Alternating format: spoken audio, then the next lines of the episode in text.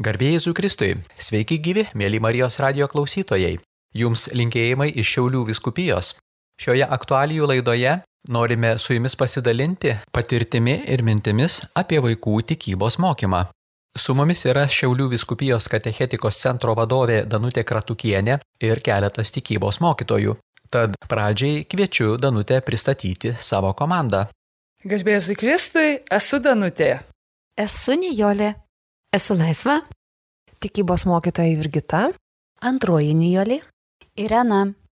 Šiandien šioje aktualijų laidoje bandysime pasikalbėti apie tikybos dalyko dėstymą, apie tikybos mokytojo vaidmenį šiandienos mokykloje. Ir toks vat pirminis mūsų klausimas, kodėl tapote tikybos mokytoja?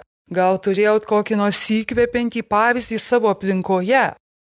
Iš tikro, tai esu baigusi pradinių klasių mokytojo specialybę, bet jau 20 metų dėstau tikybą. Kodėl tikybą? Todėl, kad turėjau didelių pašaukimų ir iš, sakykime, pašalinių žmonių. Todėl, kad jie mane įkvėpė sakydami, kad, na, aš privalau, privalau atlikti tą misiją, nes labai tinku šiai nu, kaip pasakyti, tikybos dėstymui, kad labai myli vaikai, kad, o žinokite, pradėjau dėstyti kaip tik tais metais, kai uh, tik pradžia buvo tikybos dėstymo, kai tikybą dėstė tik kunigai. Tai uh, reikėjo mokytojų, reikėjo įkvėpimo ir įkvėpė netgi patys direktoriai. Patys pati administracija, kuri ėjo į pamokas, kai dėšiau pradinukams ir sakė, kad sako Nijolė, tu turi dėstyti tikybą, nes turbūt dėstytum geriau nei kunigas, nes buvo, na, tiesiog matyti. Tai iš tikrųjų aš manau, kad įkvėpėjų buvo iš šalies labai daug ir aišku, Dievo pašaukimas turbūt. Aš įstojau Šiaulių universitete į meninio augdymo ir tikybos specialybę ir planavau savo ateitį sieti su menais. Tačiau, kai reikėjo atlikti praktiką, gavosi taip, kad mane tiesiog pakvietė vaikai pajutau norą būti šioje vietoje, pajutau norą būti su vaikais ir tik tai po praktikos nusprendžiau tapti tikybos mokytoja. Prašiau leidimo savo dėstytojos pritarimo, nes man jos buvo labai svarbus e, balsas ir jos nuomonė. Tai tik tai gavusi nesės pritarimą mano minčiai, kad bandyti atrasti save šitame kelyje, atsidūriau tarp šaunių savo kolegų tikybos mokytojų rate. Kai buvau studentė, paskutiniais metais atlikau praktiką Šiaulių mokykloje. Ir galvoju, atliksiu, parvažiuosiu namo ir viskas tuo pasibaigs. Bet praktika einant į pabaigą, direktorius sako, o jeigu tu grįžtum po studijų pas mane, aš tai taip juokavau, sakau, ne, aš egzaminų tikriausiai neišlaikysiu, nes visus studentus tikriausiai e, ima baimiai dėl baigiamųjų egzaminų. Žinoma, įsilaikiau ir atvažiavau iš Šiaulius ir žinokit, gavau darbą tik baigusi e, ir turiu dėkoti direktoriui, kur dirbu toje mokykloje jau 20 metų. Tai va šiais metais 21 rugsėjas, kai dėstau tos mokyklos vaikams tikybą. 13 e, metų dirbu tikybos mokytoja, nuo mažens svajoju dirbti mokytoja. Dievas davė pasirengti prie mažutėlių iki paauglio. Tai kelias, pašaukimo kelias, kurį veda viešpats. Turėjau seniau Lelijos žiedo teatrą, kuriame buvo vaikai iš visų parapijų ir tai man patraukė jų pašaukimas, jų svajonės ir džiaugiuosi, kad dabar galiu dėstyti tikybą mokykloje. Nuo pat pradinių klasių žinojau, kad būsiu mokytoja. Tapusi paauglę, labai svarščiau, kuo būti užaugus, tačiau vis tiek sugrįžau prie tos minties. Ir galvodama, kuo, kokia mokytoja noriu būti, tai buvo visiškai toks endendų rinkimasis. Ir tas rinkimasis vis tiek galvoju, kad Dievas yra pokštininkas ir skaičiuotėse būna juokinga išrenki vieną, ar ne. Tai Dievas turėjo man planą iš tikrųjų ir mane atvedė taip gražiai, taip netikėtai į tikybos mokytojas, kad aš net pati stebiuosi įstojusi dvėjojau, nežinojau, ar tai yra tinkamas pasirinkimas, tačiau einant metams supratau, kad tikrai esu savo vietoje ir labai džiaugiuosi, kad mane taip Dievas pavėdėjo į tokį nuostabų e, dalyką kaip mokykla ir tikybos mokytojos pareigos. Norėčiau jūsų paklausti, ką reiškia būti tikybos mokytoju prieš 10 ar 20 metų ir dabar. Skirtumas turbūt yra gana didelis, sakyčiau, žiūrint į vaikus ir žiūrint į bendruomenės, kurios yra tikrai per tuos metus pasikeitę. Sakyčiau, kai atėjo vaikai pirmus metus pas mane į klasę, jie buvo truputį kitokie, kitokio, sakykime, kitokio tikėjimo tvirtumo. Jie mokėjo kryžiaus ženklą, jie mokėjo maldas pagrindinės, o dabar žinokite, į pamokas atėję vaikučiai dažnai nežino nei ką reiškia persižegnoti, nei kokias maldeles jie moka kalbėti. Tiesiog turbūt, na, patys suprantate, kad pasikeitę laikai turbūt, galbūt ir tikėjimo tvirtumas yra kitoks. Dar prieš 25 metus aš pati sėdėjau mokyklos suole ir buvau ta mokinė, kuri mokėsi tikybos, viena pirmųjų tų mokinių. Ir prisimenu labai ryškiai savo pirmąją tikybos mokytoją, kuri buvo vienuolė ir tai buvo mums didžiulis atradimas mokykloje. Bėgdavom visą klasę pasitikti prie lauko durų, ją parsivesti į klasę. Buvo griežta, bet be proto mylima visų mokinių. Tikrai pačiais gražiausiais atminimais gyvenu, kalbant apie tikybos mokymą e, vyresnėse klasėse taip pat turėjau nuostabią tikybos mokytoją, ji buvo beprotiškai kūrybinga ir šiuolaikiška tais laikais e, žaisti žaidimus per tikybos pamoką arba kažkaip kitaip susėsti, tai buvo neįtikėtini dalykai, bet netgi tada aš turėjau didžiulį džiaugsmą patirti, ką reiškia turėti nuostabes tikybos pamokas ir gyventi kartu su ta tikybos mokytoja visas tuos paauglystės išdaigas aptarinėti atvirai, laisvai, tikrai patys gražiausi prisiminimai. O kaip dabar? Ar bėga tie vaikai pasitikti tikybos mokytojo prie durų? Koks tikybos mokytojo vaidmuo šiandien? Ar jo užduotis tik pravesti pamokas ir viskas, ar dar kažkas tai daugiau? Labai yra didelis vaidmuo mokytojo, nes vaikai turi matyti pavyzdį. Mes liudijam tikėjimą, labai gražu, kai visa bendruomenė prisijungia, teko labai daug ruošti advento renginių. Ir ne tik vaikai, bet ir tėveliai, mokytojai prisideda prie renginio ruošimo ir kartu dalyvauja, kartu džiaugiamės, kartu tiesiog išgyvenam tą džiaugsmą toje bendrystėje su visais. Mes pamokų metu ne tik turime išdėstyti bendrasias ugdymo programas, Bet taip pat, manau, reikėtų vaikam padėti susiorientuoti šių laikų visuomenės reikalavimams, mintims, jiems patarti aktualiais klausimais, nes kur kitur, jeigu netikybos pamokose galim kalbėti, kas yra jiems aktualu ir svarbu. Ir kai vaikų paklausiu, kodėl jie ateina į tikybą, tai jie labai dažnai sako, jeigu vestumėte pamokas, tik tai e, dalyką, bet nebūtumėt draugė arba tas žmogus, kuris liudytų tikėjimu, mūsų čia nebūtų. Tai mes turėtume būti tais liudytojais, kurie e, parodo vaikams tą tikrąjį kelią, o galbūt netgi kartais turėtume būti ir bažnyčios advokatais, nes tikrai bažnyčia yra puolama tam tikrais klausimais ir tikrai nebijokime atstovauti ir būti tais bažnyčios advokatais. Tikybos mokytojas, manau, turi būti ir kaip gailestingasis samarietis.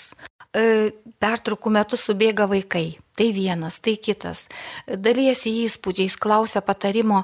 Iš tikrųjų mes, mes Turim būti gerais klausytojais. Štai viena mano mokinė pertraukos metu atbėgusi man sako, mokytoja, kaip gera su jumis kalbėtis. Sako, kodėl tu taip manai? Jis sako, jūs mokate klausytis. Reiškia, mes kiekvienas turėtume būti geri klausytojai pirmiausia. Galbūt ne tiek mokyti e, žodžiais, bet kiek mokyti savo pavyzdžių. Minėjote apie šeimos vaidmenį, tad norėčiau, jog pasidalintumėt, kokia yra šeimos įtaka, perdant tikėjimo pagrindus vaikams, o gal vaikų tikėjimas ugdo viso šeimos tikėjimą?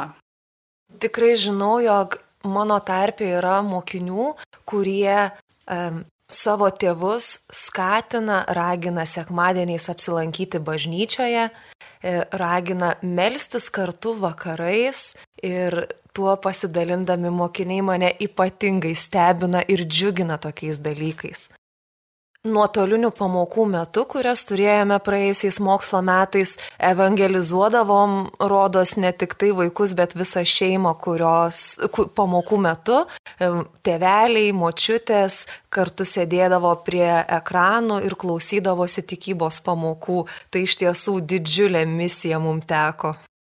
Prisiminus nuotolinės pamokas, Taip pat atgyjo prisiminimas, kuomet dalyvaudama pamokoje su antrokais ir trečiokais jungtinėje klasėje turėjau situaciją, kai mamytė taip aktyviai dalyvavo pamokoje, kad vaikai neturėjo kada, kada kalbėti ir atsakyti į mano klausimus. Tai iš tikrųjų tas evangelizacija ta vyko ne tik tai vaikams, bet iš tikrųjų visai šeimai, kuri tuo metu buvo kartu su vaikais savo namuose šeimos nariai perdodavo irgi tikėjimą vaikams. Kai būdavo pamokos ir nuotolinės, tai irgi taip pat prašydavo, močiutės įsijungdavo ir prašydavo mokytoją, dabar ar mes galime pasimelsti, už kokią nors pasakydavo intenciją. Ir tada visi vaikai, visi kartu melsdavomės.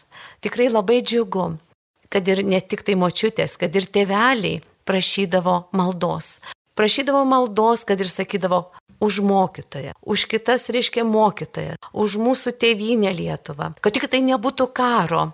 Ir labai džiugu, kad reiškia tą maldą jungdavo bendrystė.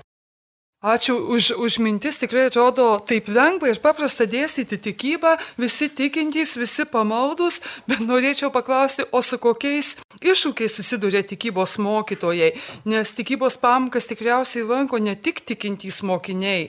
Kaip tuo met dėstote programą tiems, kurie abejingi tikėjimui?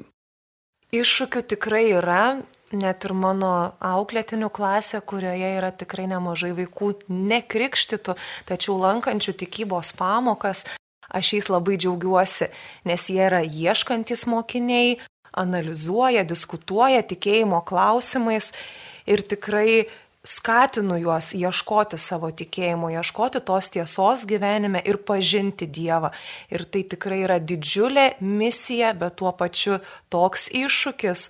Ir žinau, jog aš kaip tikybos mokytoja turiu ypatingai įdėti daug darbo ir pastangų, kad juose sužadinti tą norą tikėti. Pas mus tikybos pamokose lankosi vaikai, kurie krikštyti, bet taip pat pasitaiko pakankamai dažnai, kurie sako, mokytoja, aš esu nekrikštyta.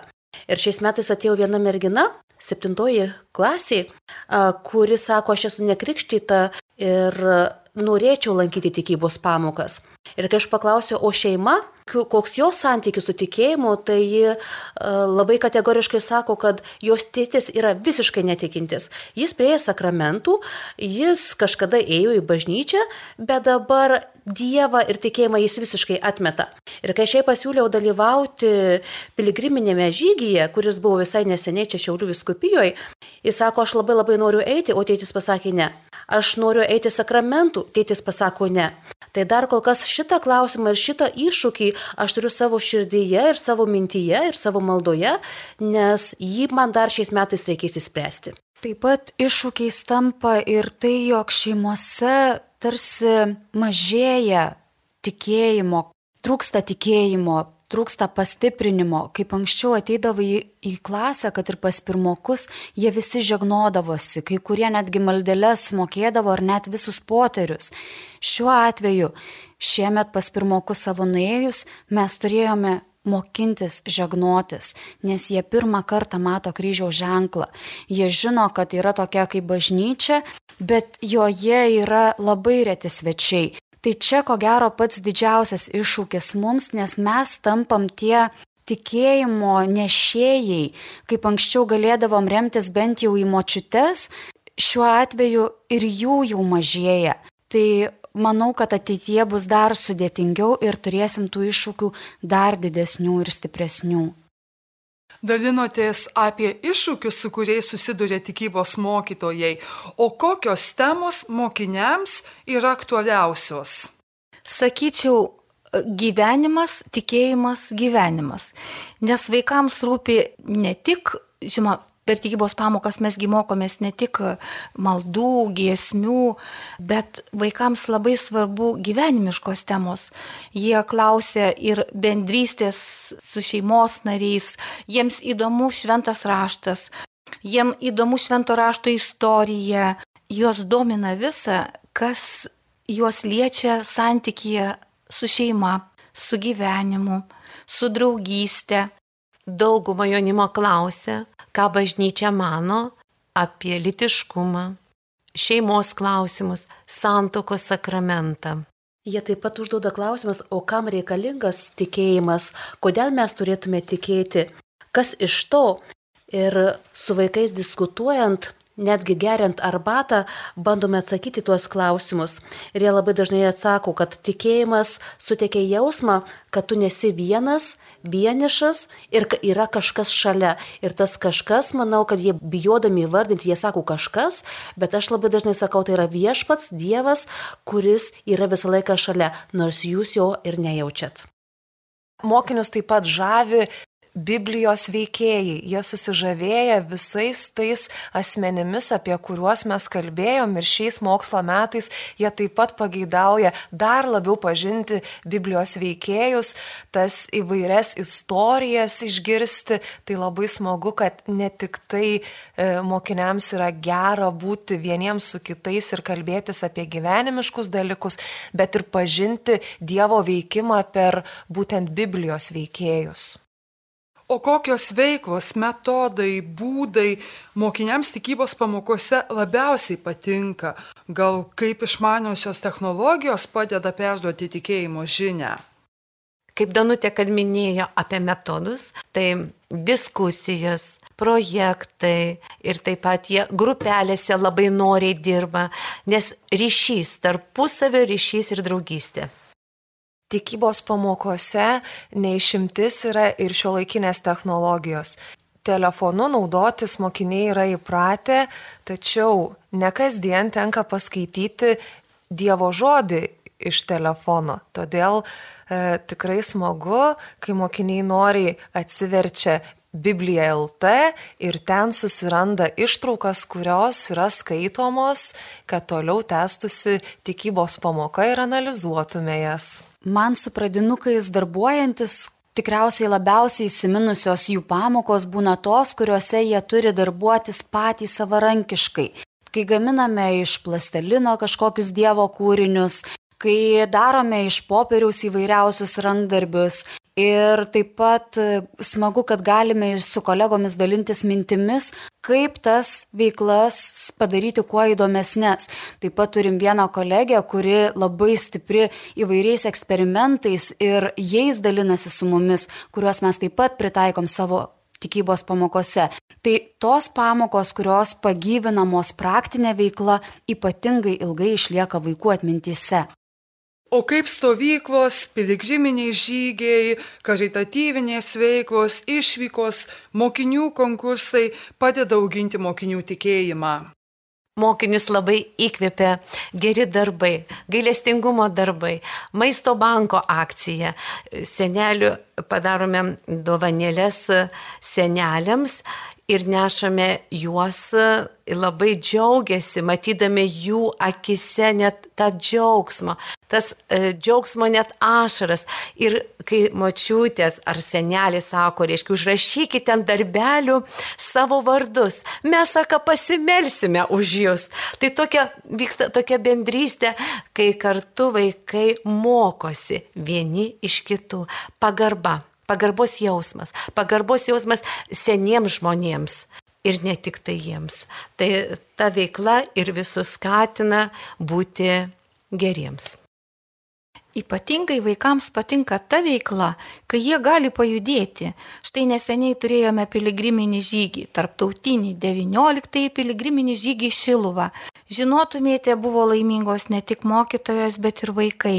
Vaikų skaičius aukte auga, jie susidraugauja, susibičiuliauja ir ne tik, jie netgi geografiškai pralavėja, pamato gražią Lietuvą, jos aplinką, o svarbiausia šventas vietas - Tytuvenai, Šiluva ir, ir daug, daug, daug visokių kitokių gražių dalykų. Didelė įtaka vaikams daro bendros išvykos į įvairiausias vietas, į jaunimo dienas, į susitikimą su popiežiumi, taip pat dar ir dabar yra išlikę keletas atgarsių iš jaunimo, kai susitinki, jie dalinasi savo mintimis, kad e, nesitikėjo tokio jausmo, kad nesitikėjo tokios bendrystės. Ir po tokių išvykų, po ekskursijų e, vaikai nori vėl ir vėl vykti, nes jie pajunta visai kitokias emocijas, išgyvena visai kitokias e, savo dienas ir tais įspūdžiais gyvena tikrai ir ne dieną, ir ne savaitę, o netgi metus. Ir yra mokinių, kurie net baigia mokyklą, vis dar dalinasi prisiminimais, kuriuos išgyvenam kartu būtent per išvykas. Turėjome ne vieną mokinių konkursą ir iš tiesų gera e, žiūrėti į mokinių darbus, žaviesi visais ir labai sunku išrinkti, kurisgi tas gali būti apdovanotas, e, išsiųstas į katechetikos centrą. Daugybė vaikų įsitraukia į tokias veiklas ir siekia kuo geriau atitikti konkurso kriterijus. Tai labai smagu, kad mes turim tokį gausų būrį vaikų, norinčių ne tik tai sėdėti pamokoje, bet ir dalyvauti. Kas labiausiai džiugina tikybos mokytojo darbe, kas įkvepia ir skatina neprarasti vilties? Mane labiausiai džiugina apkabinimai, gražų žodžiai apie tikybos pamokas ir netgi iš kai kurių mokinių sulaukiu tokių pasakymų, kad ačiū mokytoja už pamoką. Tai čia yra nu, patys nuostabiausi žodžiai pamokos pabaigoje. Ir aišku, džiugina e, einant koridoriumi mokykloje, kai pradinukai tiesiog pertraukos metu giesmės gėda tas, kurias mes gėdame pamokos pradžioje. Labai džiugina vaikų džiaugsmas, akise šiluma ir gražus liudymai, atsivertimai šeimų narių. Širdyje išlikė vienas liudijimas tėvelio. Prie mokyklos prieina prie manęs tėtis, vieno vaiko tėtis, tai penktoko, tai ir sako, kaip džiugu mokytoja, kad mano vaikas mane atvedė į bažnyčią. Jau senai aš buvau, ką aš galvoju, aš ten veiksiu toj bažnyčiai. Tai vaikelis sekmadienis, tėtė, einame kartu. Tai, žinokit, nuėjau, sako, nuėjau ir kaip, tai tokia ramybė pajutau. Ir tik tai vaiko dėka aš galėjau tikėti, aš pajutau tą tikėjimą. Tai va tokį valiudymą prisimename. Kai kurie tėveliai iki šios dienos yra įsitikinę, kad tikybos pamokose vaikai turi būti ruošiami sakramentams. Ką galėtumėte atsakyti šiems tėveliams? Tikybos mokytojo vaidmuo - gvildenti įvairius gyvenimo klausimus tikėjimo šviesoje. Katecheto vaidmuo - tai būtent ruošimas sakramentams ir padėjimas pasiruošti jiems, nes ne kiekviena šeima gali vaiką pavėdėti tuo tikėjimo keliu, todėl yra pasitelkiamas į pagalbą katechetas, padėti mokytis, suprasti tikėjimo tiesas. Šie du vaidmenys yra labai svarbus, bet jie ir ganėtinai skirtingi. Tikriausiai daugiau sumaišties įneša ir tai, jog labai dažnai tas pats tikybos mokytojas yra ir tikybos mokytojas, ir katechetas. Ir dažnai tėveliai patys tuo nesusidūrė, jie mato tą patį asmenį ir todėl galvoja, kad tas pats žmogus pamokų metu turėtų paruošti vaiką tikybos pamokos vyksta mokykloje, o katechezė vyksta parapijoje. Ir būtent čia turbūt didžiausi yra skirtumai, nes parapijos gyvenimas yra e, ne tik tai ateimas į katechezės užsiemimus, bet dalyvavimas šventose mišiose, e, mokymasis e, būti šitoje bendruomenėje, krikščionių bendruomenėje. Tai turbūt e, mokykloje mes to nepasieksime iki galo, o katechezės užsiemimai ir dalyvavimas šventose mišiose, štai kur yra pats pagrindinis dalykas, ko mes siekiame per užsiemimus. Taip pat norim pasidalinti savo patirtimi, kad turėjom jaunuolius, kurie atėjo pirmus metus į tikybos pamokas ir nusprendė, kad, tėvė, kad nori prieiti sakramentų. Rezultate gavosi taip, kad vaikams trūko ne tik tai žinių, bet trūko ir praktikos. Jiem buvo tikrai ganėtinai sudėtingai dalyvauti šventose mišiuose, tuo labiau, kad buvo sudėtingas laikotarpis ir dalis mišių teko dalyvauti tik tai nuotoliu. Todėl labai svarbu yra tas praktinis dalyvavimas mišiuose, šventimas šito sakramento, kad jaustųsi, kad vaikas tikrai eina tikėjimo keliu, o ne atlieka kažkokią tai pareigą. Kitas svarbus momentas yra tai, kad nepaisant to, jog tu prieėjęs sakramentų ar ne, kad tu ir toliau dalyvautum tam bažnytiniam gyvenime, kad vaikas gali toliau eiti tikybos pamokų keliu ir gali daug įvairių naujų žinių gauti tikybos pamokose. Taip pat dar, kad pabrėžčiau, kad būtent tikybos pamokose vaikai įgauna tam tikrus pamatus sakramentų pasiruošimui. Tai, ko jiems tikrai prireikia.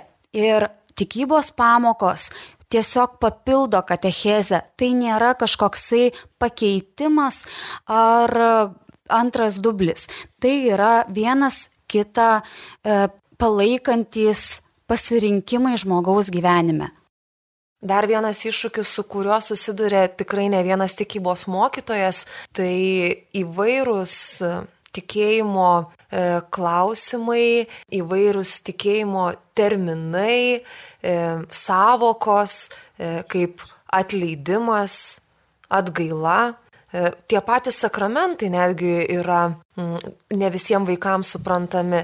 Tai iš tiesų kalbėti vaikų kalba tai tikrai didelis iššūkis ir jiems perteikti tą mintį, kurią mes turime, turim labai pasistengti. Žinot, dažnai tėvų susirinkimuose, kai susirenka tėvai, mokytojai, aš tikybos mokytoja pasisakydama pabrėžiu, kad ir paklausiu, kodėl tikyba yra pats pirmasis dalykas įrašytas dalykų sąraše. Tai ne vien raidynas esmė, bet tai yra pamatas, pamatas mūsų gyvenimo. Iš tikrųjų, tie dalykai, kuriuos vaikai sužino tikybos pamokose, jie yra kertiniai dalykai ir jų gyvenimuose. Juk matematika, lietuvių, geografija ir visi kiti dalykai bus reikalingi šiame žemiškajame gyvenime, bet tikėjimas be jo žmogui gyvenime bus labai sunku išsiversti. Jis nepasieks, e, turbūt nepasieks to amžinojo gyvenimo, ar ne? Tai žinom juk, kad iš tikrųjų kiekvieno krikščionio tikslas yra būti su viešpačiu, Katalikų tikybos dalyką iki 14 metų parenka tėvai, nuo 14 metų pasirenka patys mokiniai. Ką patartumėte tėvams ir mokiniams, kodėl verta rinktis tikybos pamokas? Tai aš tiesiog atsakyčiau vaikų žodžiais. Penktokai turi tokią temą, žinokit, tokią pamoką, kur yra klausimas, kodėl verta pasirinkti tikybą. Ir vaikai atsako taip, juk verta būti gyvenime gerų žmogumi, daryti gerą kitam ir kurti gražesnį pasaulį. Tai todėl verta rinktis tikybą. Kartais net patys to nesitikėdami, su savo nagrinėjamomis temomis mes išjudiname jaunimo vertybinius pamatus. Ir norėčiau pasidalinti savo patirtimi. Pernai metais kalbėdama litiškumo tema, būtent apie skaistybę, išgirdau vienos mergaitės mintį, kad jinai pasidalino po pamokos savo mintimi. Sako, aš pirmą kartą pagalvojau, kad vis dėlto tai yra svarbus dalykas. Iki tol, kaip suprantu, jinai apie tai net nesusimastė. Todėl manau, jog verta rinktis tikybą, kad išjudintume tuos pamatus, apie kuriuos galbūt netgi pamirštame, jog tokie yra. Dažnas vaikas ateinantis į mokyklą ir pasirinkęs tikybos pamoką sako, ateinu į tikybos pamoką, nes noriu išmokti maldas, noriu išmokti Dievo įsakymus, bažnyčios įsakymus, bet taip pat labai gražu klausytis, kai jie pasako, aš noriu pažinti Dievą, aš noriu atrasti kelią į jį. Man gera tikybos pamokoje su bendraminčiais dalinti savo tikėjimu, būti kartu ir ieškoti atsakymų. Ko gero verta mokytis todėl, kad tikybos pamokose kiekvienas gali būti savimi, o savimi būti yra pati didžiausia vertybė. Kiekvienas vaikas gali pats kelti klausimus, ieškoti atsakymų ir kaip vienas man mokinys sakė, man gera tikybos pamokose, nes čia nėra neteisingo atsakymų. Taigi tai e, vien galimybė būti išklausytam, išgirstam ir iškelti rūpimą klausimą tikrai tikybos pamokose įmanoma. Nagrinėjimo patys svarbiausia gyvenimo klausimai - vertybės, kurios svarbios yra gyvenime. O svarbiausia - tai yra drąsos. Tu nieko nebijai, nes Dievas yra šalia. Šiandien su jumis buvo pačios šauniausios Šiaulių viskupijos tikybos mokytojas ir katechetės, kurios dalinosi savo patirtimi, tikybos dalyko iššūkiais, džiaugsmais, rūpešiais ir iš ties esame dėkingos Dievui už šį pašaukimą, kad galim būti tie mažieji įrankiai, rodant tikėjimą, rodant gyvenimo prasme, parodant tuos kelius pas mūsų viešpatį Jėzų Kristų. O šiame mūsų pokalbyje dalyvavo Irutė, Nijolė, Jurgita, Laisva, dar viena Nijolė ir aš Danutė. Dėkojame mokytojams ir jų vadoviai. Jas kalbino Rimantas Pumputis. Pabaigai dar norėtųsi pranešti, jog Šiaulių viskupijos pastoracinėme centre organizuojami suaugusiųjų pasiruošimo sakramentams katechumenato užsiemimai. Pirmasis susitikimas spalio 5 dieną, antradienį, 18 val. Daugiau informacijos rasite Šiaulių viskupijos internetinėme puslapyje siauliuviskupija.lt. Tuo kart su jumis atsisveikinu, likite sveiki su Dievu.